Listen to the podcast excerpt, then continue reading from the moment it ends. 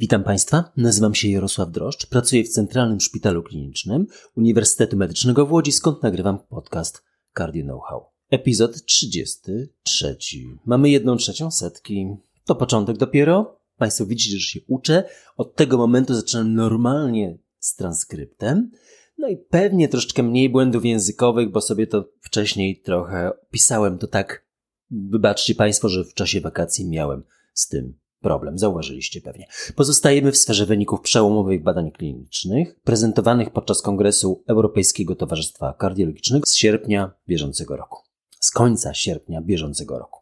Nie mamy konfliktów interesów, ale nadal zaczynamy o empagliflozynie mówić, tak jak przy poprzednim odcinku. Empagliflozyna Preserved tu Emperor Pooled, czyli taki projekt łączony dwóch różnych badań, a właściwie bardzo podobnych badań, ale u różnej grupy pacjentów, przedstawiał Milton Packer. Empagliflozyna u pacjentów z niewydolnością serca. Przypomnę Państwu, że mamy dwa projekty badawcze, bardzo, bardzo zbliżone do siebie. Emperor Reduced, Emperor Preserved. Różnią się właściwie tylko jedną rzeczą, frakcją wyrzutową, mniejszą lub równą 40% w tej części Reduced, a powyżej 40 w tej części preserved.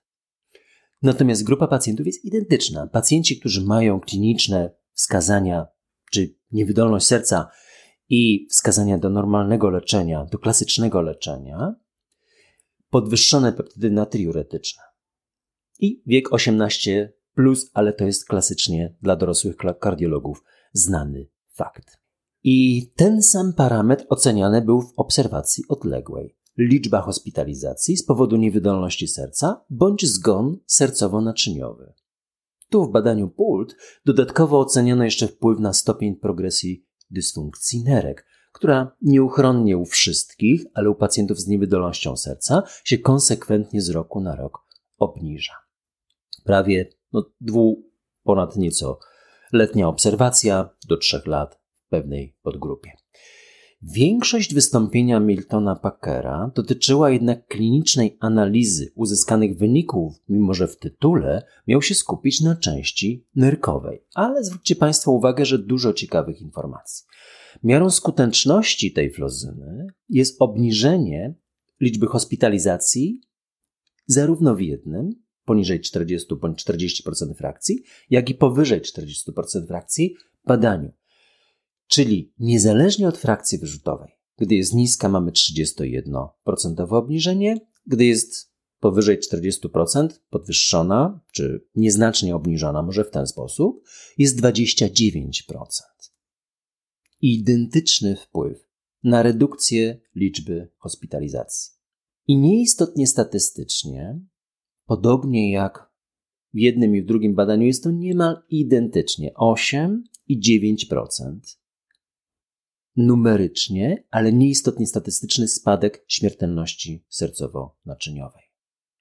To też charakterystyczne dla tego leku w odróżnieniu przykład do dapagliflozyny, która ten parametr w DAPA-HF miała obniżona i czekamy oczywiście na badanie dapagliflozyna w niewydolności serca z zachowaną funkcją skurczową lewej komory. Można byłoby z tego wysnuć prosty wniosek, wniosek że empagliflozyna skutecznie działa w niezależnej już scenerii od wartości frakcji wyrzutowej. To jest prawda. Ale prawda jest nieco bardziej złożona. Bardzo szczegółowy wgląd w relację skuteczności działania leku od wartości frakcji wskazuje na graniczną wartość 60%. Tak? Między 40 a 60% ci pacjenci również mają korzyści. Powyżej 60% lek korzyści nie przejawia. To ważne, nie zwiększa tego ryzyka, ale i nie zmniejsza. Jest niemal identycznie grupie leczonej empagliflozyną, a grupie leczonej placebo. To doczekało się wielu komentarzy. Dominowało takie stwierdzenie, że pacjent, który ma objawy kliniczne niewydolności serca, mimo że są one potwierdzone podwyższonym stężeniem peptydów natriuretycznych, a ma frakcję powyżej 60, ma zasadniczo inną chorobę. I przyczynę należy szukać gdzie indziej, na przykład kardiomyopatia przerystowa, amyloidoza, zaburzenia rytmu serca, migotanie przedsionków, bądź zupełnie duszność pozasercowego pochodzenia. Należy w tej zwrócić tu uwagę, że w tej specyficznej podgrupie tak, zachowana funkcja lewej komory, ale naprawdę zachowana, czyli 60% i więcej, dominują odmiennie niż w poprzedniej populacji z zmniejszoną frakcją wyrzutową. Dominują tu starsze kobiety z nadciśnieniem, to akurat często, ale tu częściej, migotaniem przedsionków, większy odsetek, bez choroby wieńcowej, co dziwne, bo połowa przecież pacjentów z niewydolnością serca ma jakąś etiologię niedokrwienną. A zatem ta grupa naprawdę się różni istotnie od klasycznej populacji z niewydolnością serca. Może tu w ogóle duszność nie jest pochodzenia sercowego i zasadniczy problem też leży poza tym. Pewni krytycy tego badania MPAREC Preserved mówią o tym, że ledwo jedna piąta hospitalizacji w tej grupie była zależna od niewydolności serca. To prawda, rzeczywiście około 20% i te 20% zostało zmniejszone o kolejne 30%, czyli tak naprawdę jedną trzecią z, z jednej piątej, tak? czyli to jest jedna piętnasta. Taki jest wpływ leku, istotnie statystyczny, ale wymierny klinicznie, przyznacie Państwo, nie aż tak bardzo imponująco jak w niewydolności serca z obniżoną frakcją wyrzutową poniżej 40%. No i warto też zauważyć, że w okolicach frakcji wyrzutowej 60 w niewydolności serca kończy się istotnie wpływ innych też leków, arni, no, wcześniej się kończy pewnie działanie antagonistów aldosteronu. Nie kończy się działanie, bo działanie oczywiście jest na receptory, czy, czy yy, to są leki działające, ale kończą się korzyści związane z podawaniem tych leków. Paradigm HF, Paragon HF potwierdza to, że to działa, ok, ale do frakcji mniej więcej 60. Powyżej mamy w zasadzie efekt zerowy, bądź nawet numerycznie nieco niekorzystny, ale to już zupełnie inny temat rozmowy. No i ten fragment ostatni Miltona Packera dotyczył właśnie tej funkcji nerek czemu poświęcone są dwa artykuły, które Milton Packer ostatnio opublikował. Niemal identyczna zależność, choć silniej wyrażona, w tej sferze ochrony funkcji nerek. Empagliflozyna chroni ją w sposób istotny, ale przekonujący jedynie w grupie pacjentów, którzy mają frakcję 40% bądź mniej. Powyżej 40% to w zasadzie jest tylko zabawa statystyczna, która z przyjemnością muszę to zauważyć, że jest bardzo barwnie i przekonująco prowadzona przez Miltona Packera, ale niewiele wnosi do praktyki klinicznej. Ten lek, jeżeli Państwo chcielibyście stosować dla zapobiegnięcia y, obniżenia frakcji wyrzutowej, nie działa. Zwróćcie też Państwo uwagę, że jeżeli mamy frakcję powyżej 40, to po podaniu empagliflozyny, zresztą tak samo się dzieje też i z frakcją poniżej 40, równe i poniżej 40, to mamy po flozynie, po każdej, tak samo jak po inhibitorze czy antagoniście aldosteronu, przejściowy spadek GFR-u. Więc takie sformułowanie kiedyś słyszałem, że podamy lek i zobaczymy, jak się zachowuje GFR. No, GFR spadnie. To samo mamy po inhibitorach konwertazy, sprawdźcie sobie Państwo. To niewiele zmienia, dlatego że po półtora roku te krzywe się wyrównują w przypadku empagliflozyny i ten spadek, który jest immanentnie związany ze starzeniem się, jest mniej, mniejszy. Tu w tym przypadku mniej więcej mniejszy o 1 ml, 1,3 ml na rok.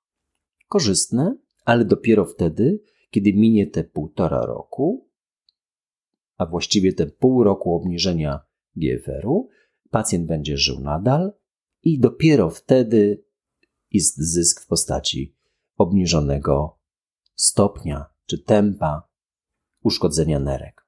Nieprzekonujące mnie w tej populacji, frakcja wyrzutowa, przypomnę, powyżej 40% doniesienie. Drugie badanie. Zwróćcie Państwo uwagę, że koncentrowałem się trochę na empagliflozynie w związku z tym nie da się przedstawić tego kongresu w czasie dwóch prezentacji naszego podcastu. Prawdopodobnie będą cztery na ten temat. Potem mamy jeszcze wytyczne. No, Zbieramy sobie pytania, odpowiem na nie, ale Poczekajcie Państwo cierpliwie na koniec, bo rzeczywiście to był przełomowy kongres. Wanisz. Valsartan u pacjentów we wczesnej fazie takiej kardiomiopatii przerostowej, sarkomeryczny typ. Państwo, nie będę się tutaj głęboko i długo zastanawiał nad tym. Caroline Ho z Bostonu przedstawiała taką pracę, gdzie dopiero takie wczesne wyniki i w zasadzie nie kliniczną ocenę tych pacjentów, ale bardziej echokardiograficzną oceną wykazała skuteczność zwolnienia tempa progresji w tej wczesnej fazie kardiomiopatii przerostowej. Tyle i aż tyle. No czekamy na wyniki dłuższych obserwacji, ale zwróćcie Państwo uwagę, że w tej grupie pacjentów z kardiomiopatii przerostową dotychczasowa terapia szła w inną stronę i leczyliśmy, jasne, inhibitorami konwertazy bądź sartanami, y, jeśli pacjent miał nadciśnienie, ale tu wydaje się, że sartany, a właściwie valsartan, może mieć korzyści wykraczające nieco poza obniżenie ciśnienia tętniczego. Zmniejsza się remodeling echokardiograficzny, grubość mięśnia w relacji do objętości komory. I to było podstawą tej analizy. Kolejne badanie, Avanti, Pekawaptan. Nie wiem, czy czym się Państwu kojarzy. No, w moim wieku pewnie kojarzyliście, kojarzylibyście Państwo to z takim innym lekiem, Tolvaptan, który był przedmiotem analiz przed wieloma, nie pamiętam sprzed 10 lat ten lek. Jest to selektywny antagonista receptora wazopresyny o podwójnym działaniu na receptory V1A i V2. Pekawaptan, bo o nim mówimy. Przypomnijmy, mamy wazopresynę, mamy jakieś receptory do tej wazopresyny. Jak wazopresyna działa, to Państwo pamiętacie ze studiów. Powoduje diurezę. Receptory, jeżeli hamujemy tą wazopresynę, możemy mieć efekt taki rzeczywiście, jak jest korzystny. To jest stosowanie w hyponatremii, w marskości wątroby, a także zastoinowej niewydolności serca. Mamy trzy rodzaje receptorów: V1A, V1B i V2. Ten tolvaptan, o którym wspomniałem przed momentem, był selektywnym V2 antagonistą. Clinical Trials Gov zwraca 31 wyników badań wielośrodkowych z tą substancją, z tolvaptanem, z czego 24 projekty zostały zakończone. Jak, jeśli Państwo o tym nie słyszeliście, to nie przejmujcie się, bo nie było spektakularnych wyników. Pekawaptan w ogóle nie jest wymieniany przez Clinical Trials Gov, a powinien być choćby z tego powodu, że badanie Avanti się zakończyło i było prezentowane. 90-dniowa y, obserwacja wskazuje Jamesa Udelsona, wskazuje na to, że mamy pewien potencjał drzemiący w tej interesującej koncepcji antagonizowania receptorów wazopresyny i może mieć to znaczenie w dwóch sytuacjach klinicznych w niewydolności serca. Uzupełnienie diuretyków z potencjalną szansą zmniejszenia ich dawki, jak i być może kiedyś zastąpienie diuretyków w pewnych wybranych sytuacjach klinicznych. W jakich? Nie wiadomo. Najwięcej ja osobiście obiecuję sobie po tym leku w hiponatremii. Mamy z nią coraz większy problem kliniczny. Zdecydowanie. No i wreszcie badanie Guide HF. Mamy 14 minutę, wybaczcie Państwo, ale jeszcze parę minut upłynie. Jakbym powiedział, że najciekawsze badanie wróciłbym do substancji, które wymieniłem na początku i tydzień temu. Jakbym chciał wymienić najbardziej y, spektakularne badanie, które spowodowało dyskusję, to było to badanie Joanny Lindenfeld z Nashville Vanderbilt University. Guide HF. Zacznijmy od początku. Znajomość ciśnień płucnych ma znaczenie w niewydolności serca dla optymalizacji farmakoterapii. Te ciśnienia są niskie, możemy nieco zmniejszyć diuretyk, jak są wysokie, możemy ten diuretyk zwiększyć, czy powinniśmy ten diuretyk zwiększyć, a także optymalizować inne leki, poszukać innych przyczyn i ma to pewien potencjał kliniczny. Możemy oceniać ciśnienia płucne w echo, mm, ale nie jest to bardzo łatwe. Z wiarygodnych patofizjologicznie zrozumiałych doniesień w toku dekompensacji niewydolności serca rośnie ciśnienie napełniania, a co za tym idzie, także ciśnienie w tętnicy płucnej. Możemy to oczywiście potwierdzić echokardiograficznie, ale to niepraktyczna strona. Seryjne badania echo tej milion dwie dziesiąte populacji pacjentów niewydolności serca to jest kompletnie niemożliwe. A gdyby tak implantować czujnik ciśnienia komunikujący się bezprzewodowo i stale to ciśnienie mierzyć, mamy tych tętnic płucnych, Państwo wiecie, uproszczenie. Za dużo. Można jedną przymknąć takim czujnikiem, który ma parę milimetrów. Nic nie wpłynie to na przepływ płucny, ani na kliniczną stronę, to wiemy. Może udałoby się tych pacjentów ze wzrastającym ciśnieniem wcześniej zidentyfikować dekompensację. Wiemy, że ta dekompensacja jest poprzedzana zwiększeniem się ciśnienia przed lewą komorą, a zatem właśnie w tętnicy płucnej. Moglibyśmy na przykład podać diuretyk, zapobiec hospitalizacji, a może u osób z bardzo niskimi wartościami ciśnienia można zredukować dawkę diuretyku? Logiczne? Obiecujące? Ważne klinicznie? No, założenia są słuszne. Hmm, przejdźmy do praktyki. Guide HF zbadał tysiąc chorych z zaawansowaną niewydolnością serca, której implantowano czujnik i podzielono na podgrupy, która miała bądź nie miała reakcji na ciśnienie, które z tego czujnika było bezprzewodowo przekazywane do aparatu, a z aparatu do centrali w jednym z miast amerykańskich. Ten czujnik ma wielkość agrawki, czy może małego spinacza, bo z tym spinaczem był porównywany na slajdach Joanny. Centralna część ma kilka milimetrów, a pozostałe części to cienkie druciki utrzymujące to w przestrzeni, pewnie mające jakiś charakter związany z nie wiem, zapewnieniem energii. Trudno powiedzieć o szczegółach. Jest na stronie producenta dość dokładny opis. Ten zewnętrzny aparat komunikuje się z tym czujnikiem wewnątrz tętnicy płucnej i te pomiary ciśnień powinno się przeprowadzić w pozycji leżącej. No, badacze, którzy to robili, wspominają, że technicznie nie jest to łatwe. A potem klasyczny telemonitoring. Wartość ciśnienia wędruje do centrali, lekarz może na tej podstawie skontaktować się z pacjentem, dokonać modyfikacji farmakoterapii, oczywiście zdalnie. No, brzmi to jak science fiction, ale nadal wydaje się dość obiecującą perspektywą na przyszłość. Na co z wynikami prezentowanymi na Europejskim Kongresie Kardiologicznym? Po pierwsze, numerycznie jest mniejsza liczba hospitalizacji. No brak istotnie statystycznych różnic w analizie całego badania. Ta różnica jest tylko w aspekcie redukcji hospitalizacji w erze przed COVID. Czyli bardzo zbliżony sygnał który Państwo pamiętacie z listopada ubiegłego roku, kiedy omawialiśmy badanie AFIRM, AHF, z dożylnym preparatem y, żelaza po incydencie ostrej niewydolności serca. Do czasu mm, marca, kwietnia mamy istotność, później wchodzi pandemia, zmniejszenie liczby hospitalizacji, wpłynięcie czynnika infekcyjnego na wiele pacjentów, dystans z opieką zdrowotną wprowadza takie zamieszanie, że to ta istotność statystyczna zanika. Bardzo zbliżona rzecz. No ale problemem jest zupełnie co innego, co budzi moje zdziwienie. I nie tylko, bo ta dyskusja była dość, e, dość intensywna. Po pierwsze, niemal identyczna śmiertelność w obu ramionach badania. No, czujnik nie poprawia rokowania, to dziwne. Zupełny brak działania, nawet w zakresie hospitalizacji, dla podgrupy w czwartej klasie czynnościowej Nycha.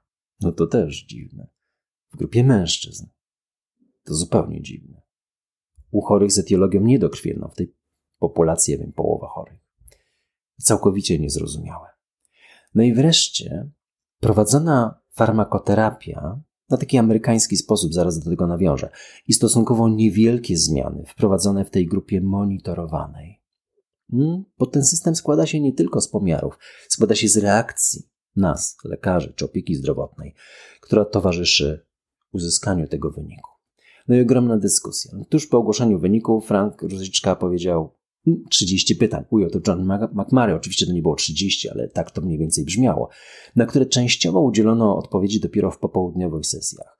Jak sugerował Roy Collins, w fenomenalnym stylu.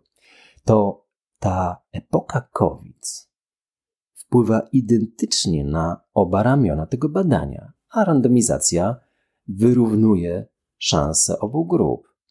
A zatem nie powinna wpłynąć na wyniki badania i ocenę hospitalizacji w tej grupie pacjentów.